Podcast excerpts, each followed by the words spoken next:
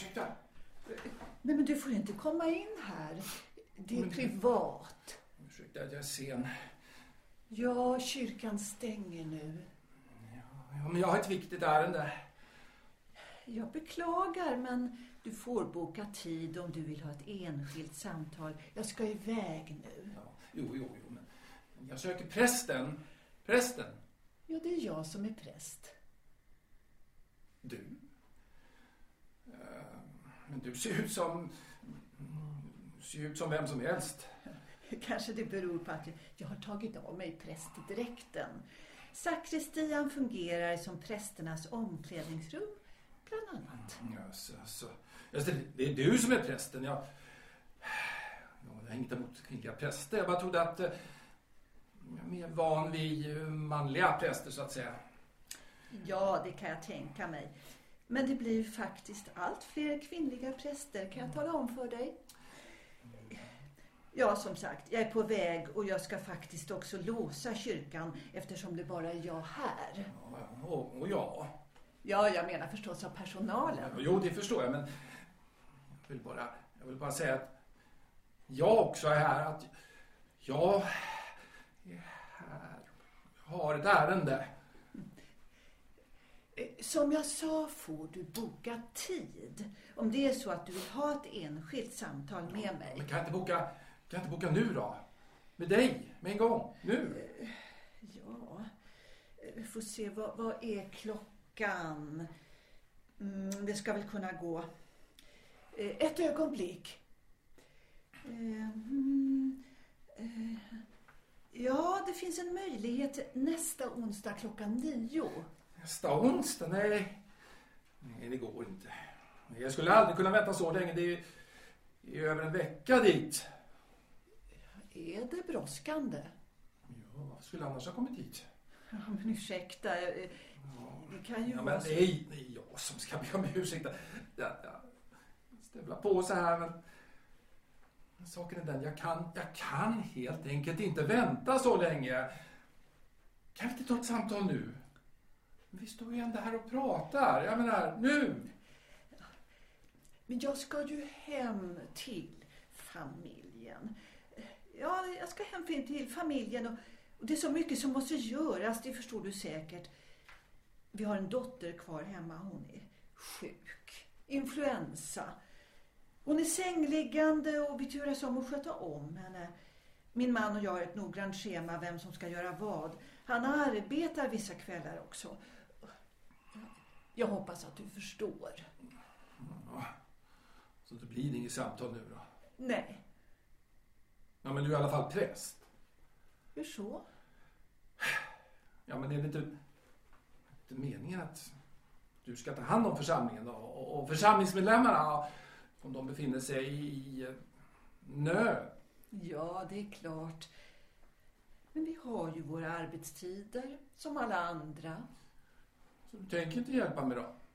Nej, ja, jag kan tyvärr inte, inte just nu. Men varför är du präst om, om du inte kan ställa upp någon medmänniska? Låt mig skicka ett sms till min make så jag kan förklara varför jag blir lite sen. Tack. Så. Ja, varsågod. Men vi kan bara prata i en kvart, 20 minuter. Du kan sitta i den stolen så sitter jag här. Ja, tack, men jag behöver röra på mig. Alltså. Har du svårt att sitta? Jo, jo, jo, jag är alldeles för nervös. Jag är alldeles för nervös. Jag har nerven utanpå, som man brukar säga. Om det går bra för föredrar att ja, gå omkring här medan jag pratar. Det är faktiskt lite enerverande. Det blir svårt att koncentrera sig. Jag menar, jag får svårt att koncentrera mig på vad du säger om du ska gå omkring i rummet. Jaså? Ja, ja, ursäkta då. Jag, ja, jag kan försöka, kan försöka. Försöka att sitta ner då. Ja, kanske du kan berätta om ditt problem. Ja, men ska vi inte presentera oss först? Ja, ursäkta mig, så oartigt av mig.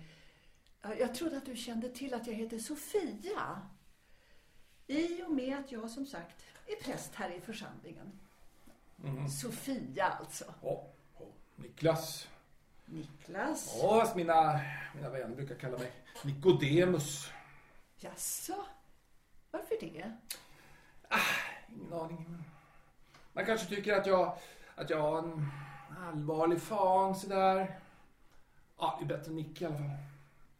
Ja, då säger jag också Nikodemus. Ja. Alla ska ju ha så här extra namn. Smeknamn brukar man säga. Kan lika gärna vara ett öknamn. Äh, Men om man blir mobbad och så menar jag. Ja, Mm. Jag menar alltså när man, när man vill håna en annan människa. jag känner till uttrycket. Nå.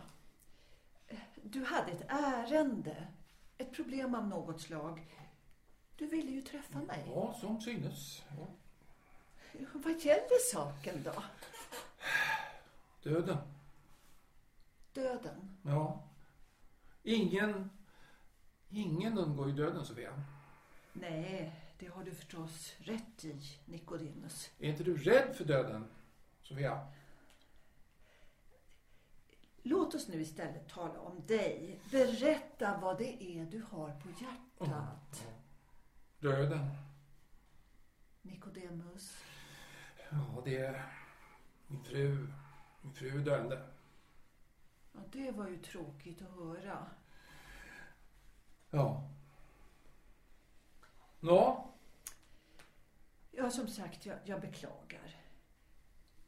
Då förstår jag det som att hon är svårt sjuk. ja. eh, Kräftan. Bukspottkörteln. Rökningen, det är rökningen. Hon, ja, hon rökte ju hela tiden när vi, när vi var gifta. Ett, ett paket om dagen. 20 år och några månader. Ja, spridde sig till leverna och tarmarna. Det är kört. Jag... eh, Jag beklagar. Om det är något jag kan göra. Jag tror inte kan göra. Också en fråga. Varför tror du jag kommit? Du är i sorg. Ja, men jag vill veta. Förlåt, jag, jag förstår nog inte. Jag vill veta om hon överlever döden. Jag vill veta om, om hon kommer till himlen. Ja, du är upprörd, ledsen och vill fråga en präst. Om din fru kommer till himlen. Ja, är det för mycket begärt det? Men Nikodemus, om detta vet jag lika lite som du. Men du är ju präst. Du ska veta. Varför är du annars präst? Säg inte Jesus... Ja, det här är någonting jag minns. Säg till Jesus... Idag ska du vara med mig i paradiset. Till, till och med till den där eh, banditen på korset. När, när de hänger där. Va? Du? Båda två. Varför skulle han då inte säga något liknande till min fru? Hon var det snällaste som tänkas kan. Jo. Jo, det stämmer. Jesus sa så.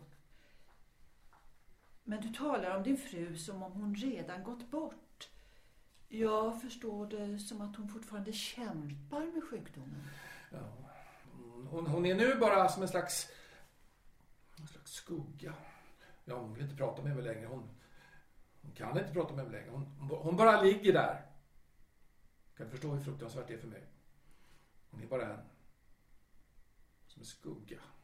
Det är, det är som en skugga som om hon redan bara... Vill du ha lite vatten? Vatten? Ja, Nej! Jag vill ha svar på min fråga. det kan jag säga till dig Nikodemus. Det är att jag tror.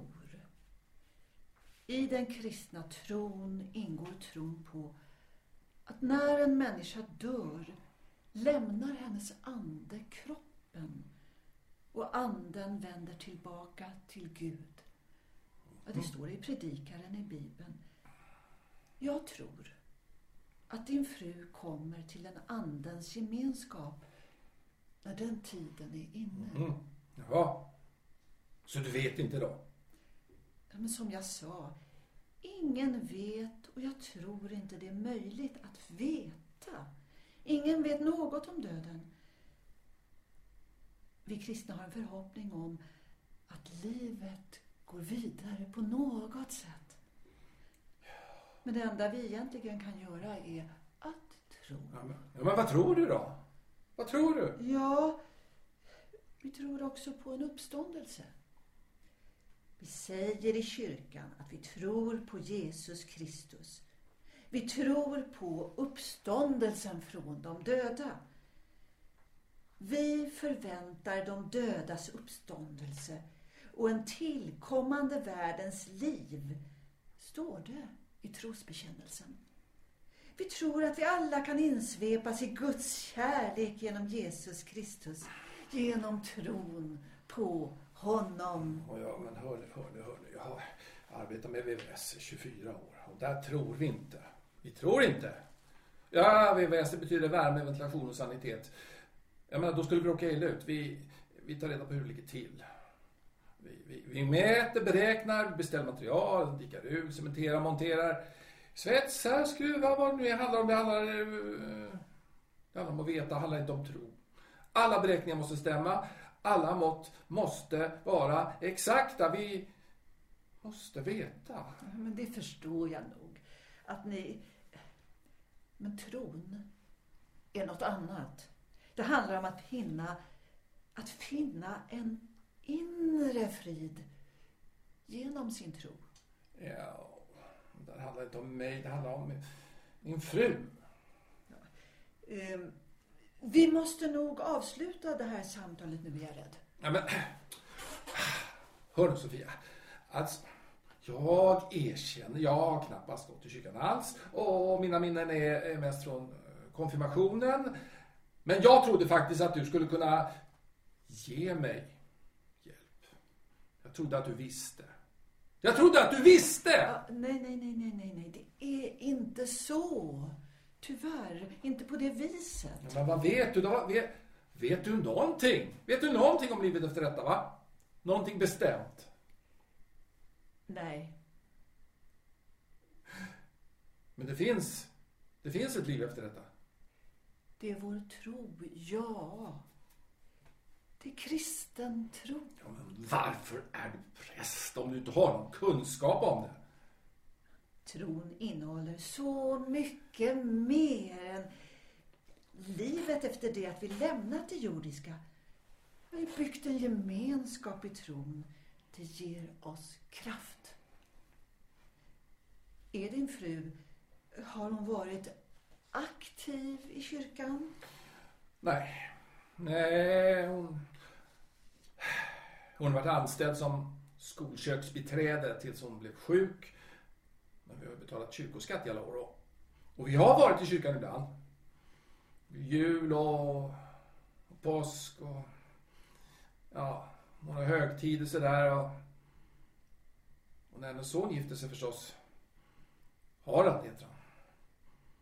Ja, min fru hade ihop det med en annan innan vi träffades. Vi, vi har inga gemensamma barn. Hans fru heter Anna-Lena. Också en... Ja, de har en fin dotter som heter Sara. Ja, hon, är, hon är fem nu. Och de har fullt upp förstås.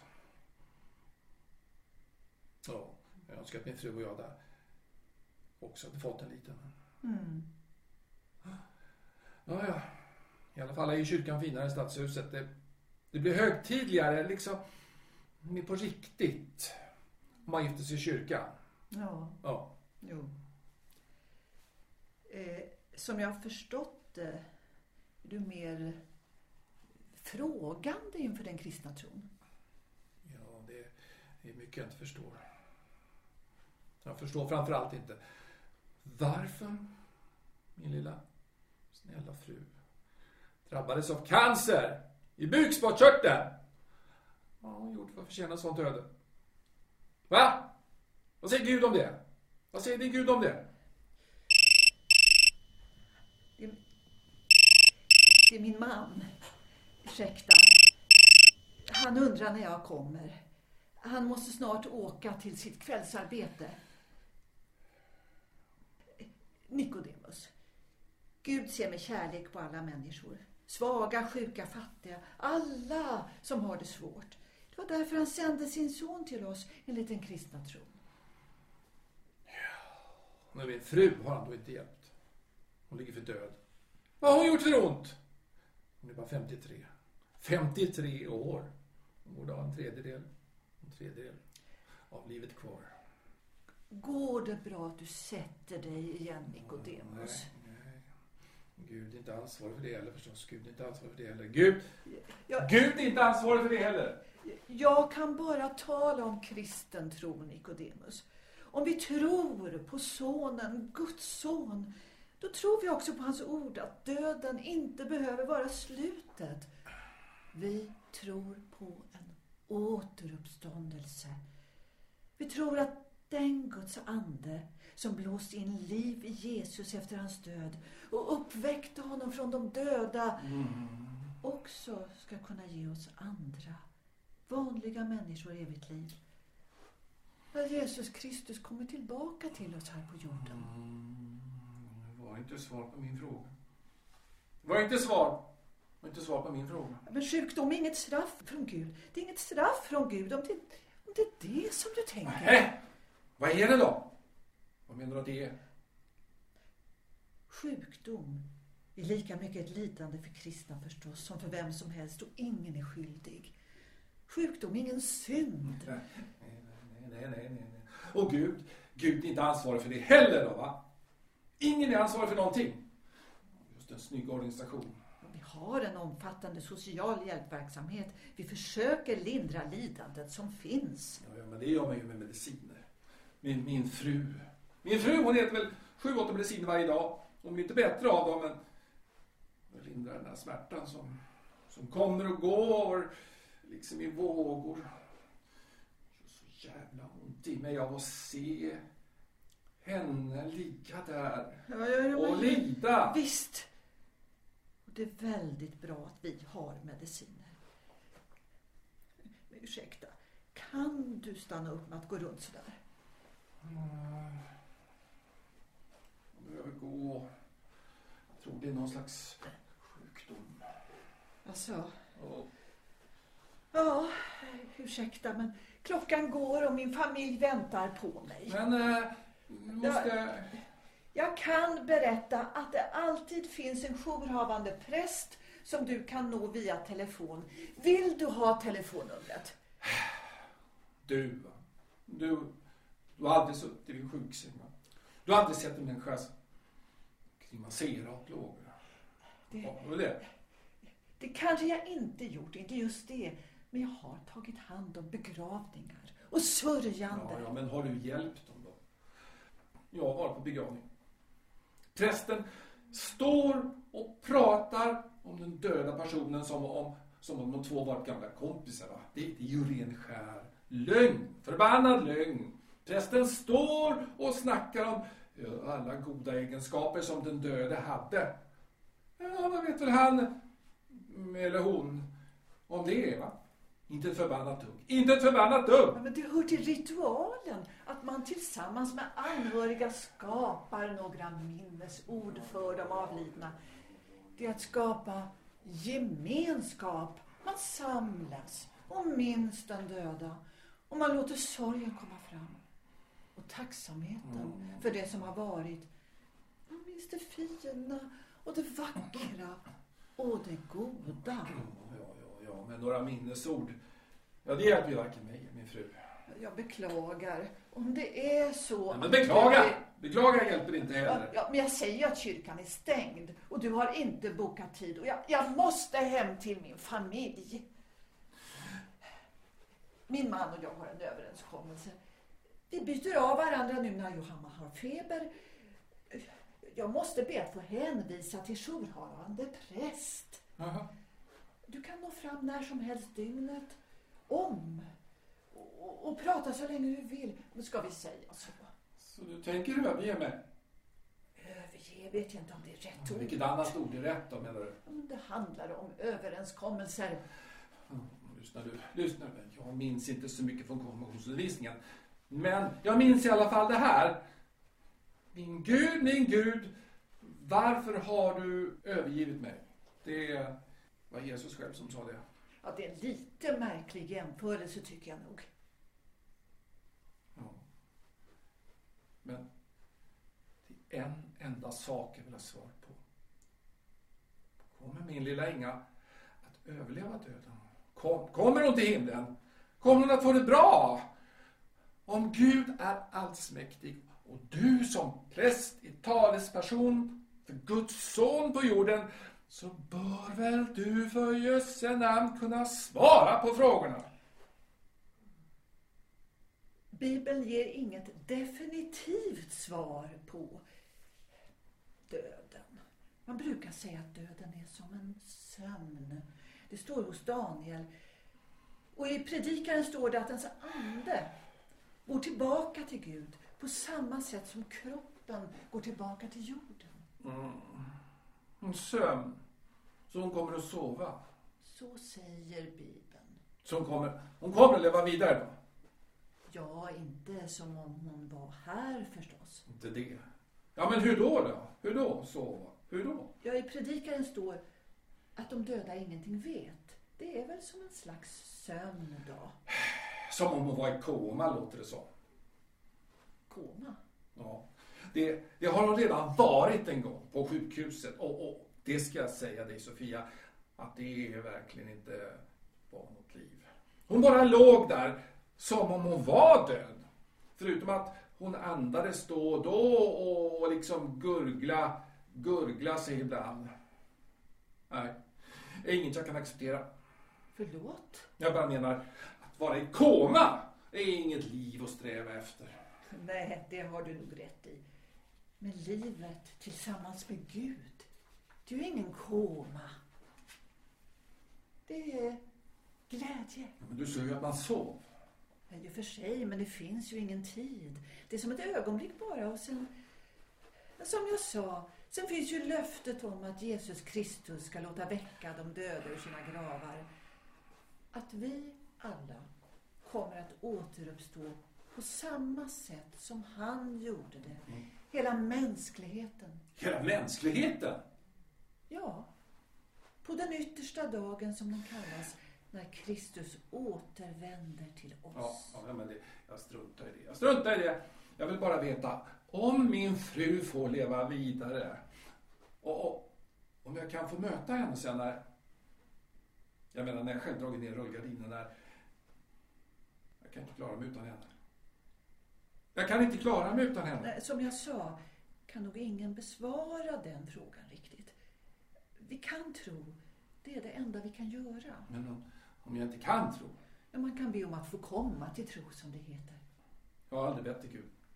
Jag har bett doktorn om att min fru måtte, måtte bli frisk igen. Vet du vad han gjorde? Han skakade bara på huvudet. Han sa så här att sjukdomsförloppet redan gått för långt. Skadat för många inre organ. Han tittade på mig bara och beklagade att man tyvärr inte kunde göra mer för min fru. Och nu säger du samma sak. Det är inte just jag. Jag talar som präst. Som representant för kyrkans lära. Som själasörjare. När talar du, när, när talar du som dig själv då? När talar du som dig själv? Va? Förlåt? Ja, men vad tror du själv när du, när du tagit av den där prästkragen? Ja, men det är, det är faktiskt allt för privat.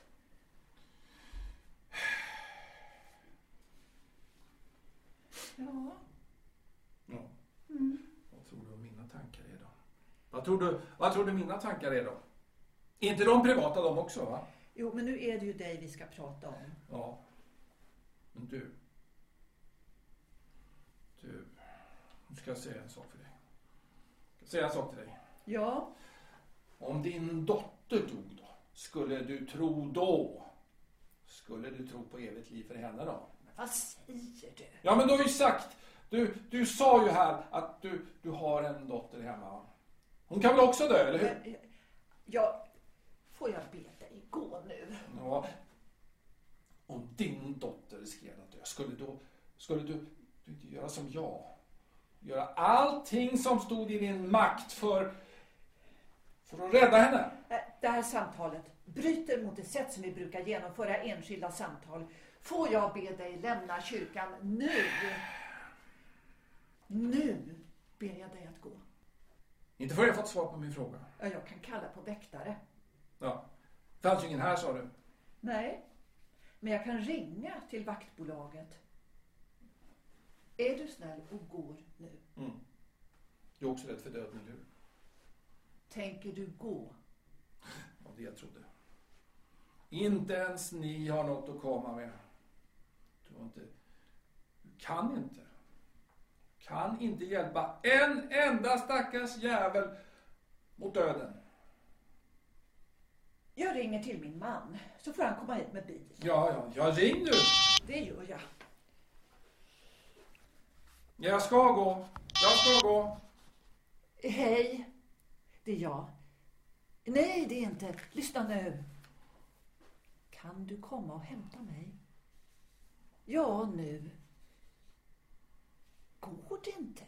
Ja, men Johanna kan väl vara för sig själv i en kvart? Jo, du får ordna det. Jag väntar på dig. Så. Ja. Du hade inte behövt ringa. Jag ska ju gå, sa jag. Men nu är det i alla fall gjort. Det enda jag ville, det enda jag ville var ju något slags hopp. Istället betraktar du mig som någon slags skurk. Va? Någon slags inbrottstjuv, vad som helst. Det finns inget vidare, Sofia. Det måste du förstå. Tänker du gå nu då? Du förstår inte hur det känns när allt hopp är ute. Kanske, kanske inte. I så fall hade du inte kastat ut mig härifrån. Men jag har väl inte... Det handlar om överenskommelser som man gör. Det finns regler för att allt ska fungera. Annars skulle det bli kaos. Allt skulle bli kaos. Men det finns inga regler när det kommer till döden. Det är som om allt i ens omgivning blir liksom upplöst. Man, man förlorar sig i en dimma. Sen kliver liemannen fram bara så här. Sen är det slut. Men det finns hopp. Ja, du som tror har hopp. Om jag kan inte tro så... Ja, det är, det är hopplöst. Ja, det måste kännas tungt för dig, det förstår jag. Man lever tillsammans i 24 år. Sen är det slut. Från ena dagen till den andra. Man skrattar och och gläds av varandras sällskap. Och sen är det slut. Det, det är som att vara på väg från sitt eget bröllop och, och sen plötsligt får man sladd på en grusväg och, och så kör man in i en klippväg bara. Så, ett, tu, tre. Sen är det slut. Ja, det var en, en märklig bild. Ja, varje dag har inte varit bra förstås. Vi har ju grälat då och då, Inga och jag. Det... Men hon var snäll i alla fall. Allt var middagen klar när man kom hem. Alltid kunde man sen vila upp sig efter arbetsdagen med glasögon framför tvn. Och hon satt mest och sticka och sådär. Och löste korsord. Hon sa inte så mycket men... Men hon, hon kändes. Hon satt i sin fåtölj och, och jag satt i min fåtölj och... Hon sa inte så mycket men... Men hon kändes. Kan du förstå det, Sofia? Ursäkta, men din fru lever ju fortfarande. Du talar om henne som om hon avlidit. Jag kommer från sjukhuset. Jag kommer från sjukhuset. Det är bara några timmar kvar, sa de. Hon kanske dör i natt. Borde du inte då vara hos din fru? Ja. Men Harald, min styvson, han, han sitter hos henne och... Ja, men ändå, du vill väl säga farväl? Om läkarna är helt säkra på det, att hon inte har långt kvar. Ja, men jag ville först försäkra mig om att... Ja, men det har jag ju förklarat! Jag måste veta om vi kommer att ses igen. Läkarna ger mig inget hopp. Det gör ta fan inte du heller.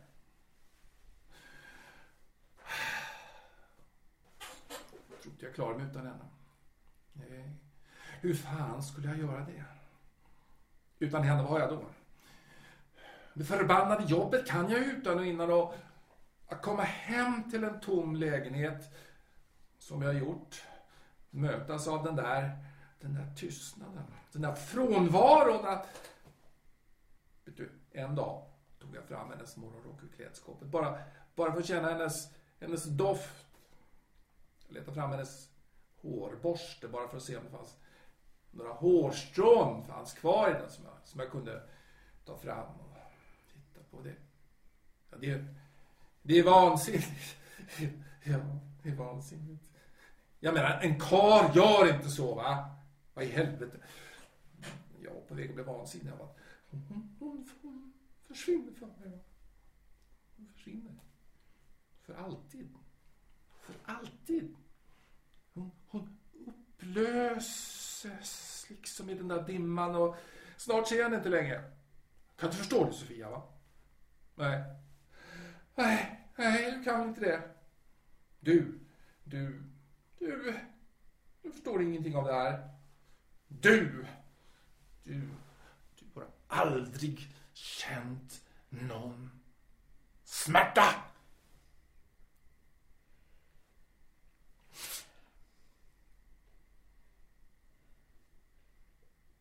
Nikodemus. Det vill jag säga innan min make kommer. Vecka 37. Vecka 37. Ja, Jag ber, avbryt mig inte. Vecka 37. Jag är gravid i 37 veckan. Vårt första barn. Min make är bortrest i USA. Jag är ensam. Inne på sjukhuset. Ultraljud. Jag är orolig. Tycker att barnet inte rör sig som tidigare. Begär ultraljud. Doktorn Doktorn undersöker. Jag vill se på skärmen. Jag måste se på skärmen. Jag får inte se på skärmen. Läkaren låter mig inte se på skärmen. Jag tittar på barnmorskan som och slår bort blicken. Och istället tittar på läkaren. Och läkaren tittar inte på mig. Utan tittar på skärmen. Jag minns i detalj. Till sist efter en evighet säger han de, de orden som, som jag inte vill höra. I, U, F, D. Ja. Vad betyder det? Det betyder att fostret är dött. Hjärtat har slutat slå. Det betyder att mitt barn har dött. Det betyder att vårt barn inte längre lever. Det betyder att en flicka som vi väntat på så länge aldrig, aldrig, aldrig kommer att bli till. Sannolikt en bristande funktion i moderkakan, sa läkaren senare. Sannolikt en bristande funktion i moderkakan. Hur många gånger, hur många gånger har jag inte hört den meningen inom mig? Barnet har drabbats av syrebrist på grund av bristande funktion i moderkakan och dött. Det var alltså mitt fel. Jag måtte ha gjort något fel, men jag förstod aldrig vad det var. Det var något fel på min kropp. Gud stötte bort mig när jag ville ge liv. Jag, jag dög inte. Men jag måste föda det döda barnet i alla fall. Och när det var gjort då bad jag om att få se min dotter. Och läkaren sa att det bästa, Det bästa vore nog att... Men då skrek jag åt dem att jag måste få se min dotter. Till sist fick jag hålla henne. Ett litet, skrynkligt skärt paket. Hon hade ju inga ögon. Men en liten död kropp med, med huvud och, och armar och ben. Jag, jag höll min flicka. Jag vet inte hur länge jag höll henne. Jag förstod ju att jag, jag måste lämna bort henne. Hon skulle kastas bort. Som avfall.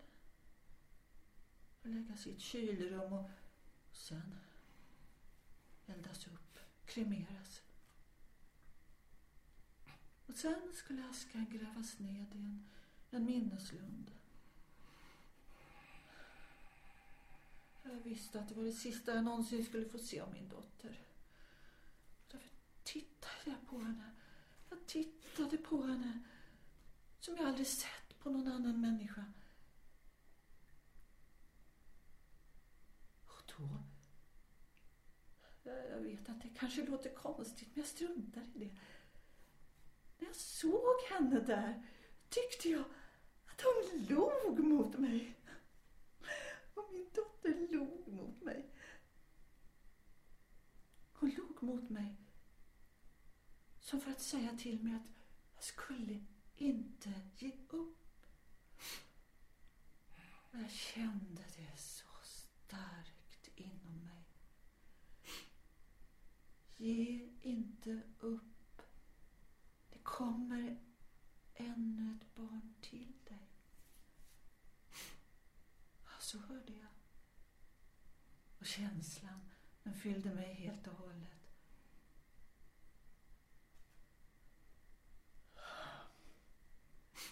Jag har aldrig sagt till min make. Han skulle aldrig kunnat förstå det. Han är inte sån. Det kom ännu ett barn till dig. Och så gav jag bort min döda dotter till barnmorskan.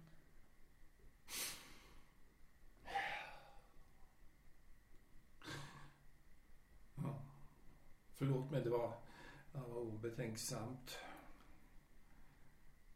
Vad då? Ja, det, det jag sa. Du, att du aldrig. Att du aldrig varit nära döden. Jag menar i ditt, i ditt, i ditt verkliga liv. Ja, du menar utanför mitt arbete? Ja. Du var ju upprörd.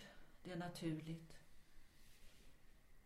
En människa har nog av sin egen smärta. Hon kan inte ta in andras lidande. Inte helt och hållet. Skulle hon ju inte klara av vardagen. Mm, mm. Det är sant. Ja. Jag ska gå nu. Jag beklagar att jag inte kunde hjälpa dig mer, Nikodemus. Men du har hjälpt mig. Har jag det? Ja, men fråga mig inte hur. Men jag vet. Är tiden inne för Inga att dö ifrån mig, ja, ja men då är det ju så. Jag kan inte göra någonting åt det. Hålla handen kanske, men som jag sa, hon är mest i koma. Hon, hon, hon är inte kvar här längre. I vår värld. Ja, när ens tid är inne. Det vet bara vår Herre. Ja, ja, ja, kanske det, kanske det. Men hoppet finns ju alltid kvar. Jag menar för dig. Om en ljusare framtid. Gör det? Ja, jag fick ju min andra dotter Johanna ett år senare. När hon precis var född tänkte jag, ja, det kom ännu ett barn till oss. Precis som min första dotter, min döda dotter lovat. Och det var hoppet som infriades. Ja, jag förstår. Hoppet, ja. Jag själv har jag nog inget hopp, men jag har ingen tro på Jesus. Och om jag nu tror på något, ja, ja då tror jag bara på, på det jag ser och, och, och det som jag kan begripa. Jesus förstår jag mig nog inte på. Du, du får inte ge upp. Jag menar, du får inte ge upp hoppet om något bättre. Du kan få hopp när du minst av allt anar det. Som skedde med mig. Ja, men jag har ju ingen tro. Kanske inte. Men jag har. Och om du vill så kan jag be för dig. Be? För mig? Ja, det är något som vi gör inom kyrkan om någon önskar det. Ja. ja. Om, om, om du skulle be för, för, för mig, just du, ja då tar jag tacksamt emot det. Det räcker bra så. Jag menar, om man har en enda människa som tänker gott om en, ja, men då kan man ju vara glad. Jag ska be om att du får hopp. Vad för slags hopp? Hopp om att du finner dig själv. Ja, ja, ja. Ja. Ja. Jag ska gå nu. Tack. Tack för den här stunden. Ja, tack för att du... Tack för att du... För att du gjorde så att jag... Smärtan. Den har lättat. Tack själv, prästen Sofia. Du, ja, jag behöver inte säga något. Eh, jag tror så här. Du, du, du, du har ingen skuld till det som en gång hände och jag tror inte att din Gud lämnat dig. Ja. Vad gäller mig själv? Jag har inget mer att säga. Adjö. Tack, Nikodemus. Tack. Och adjö.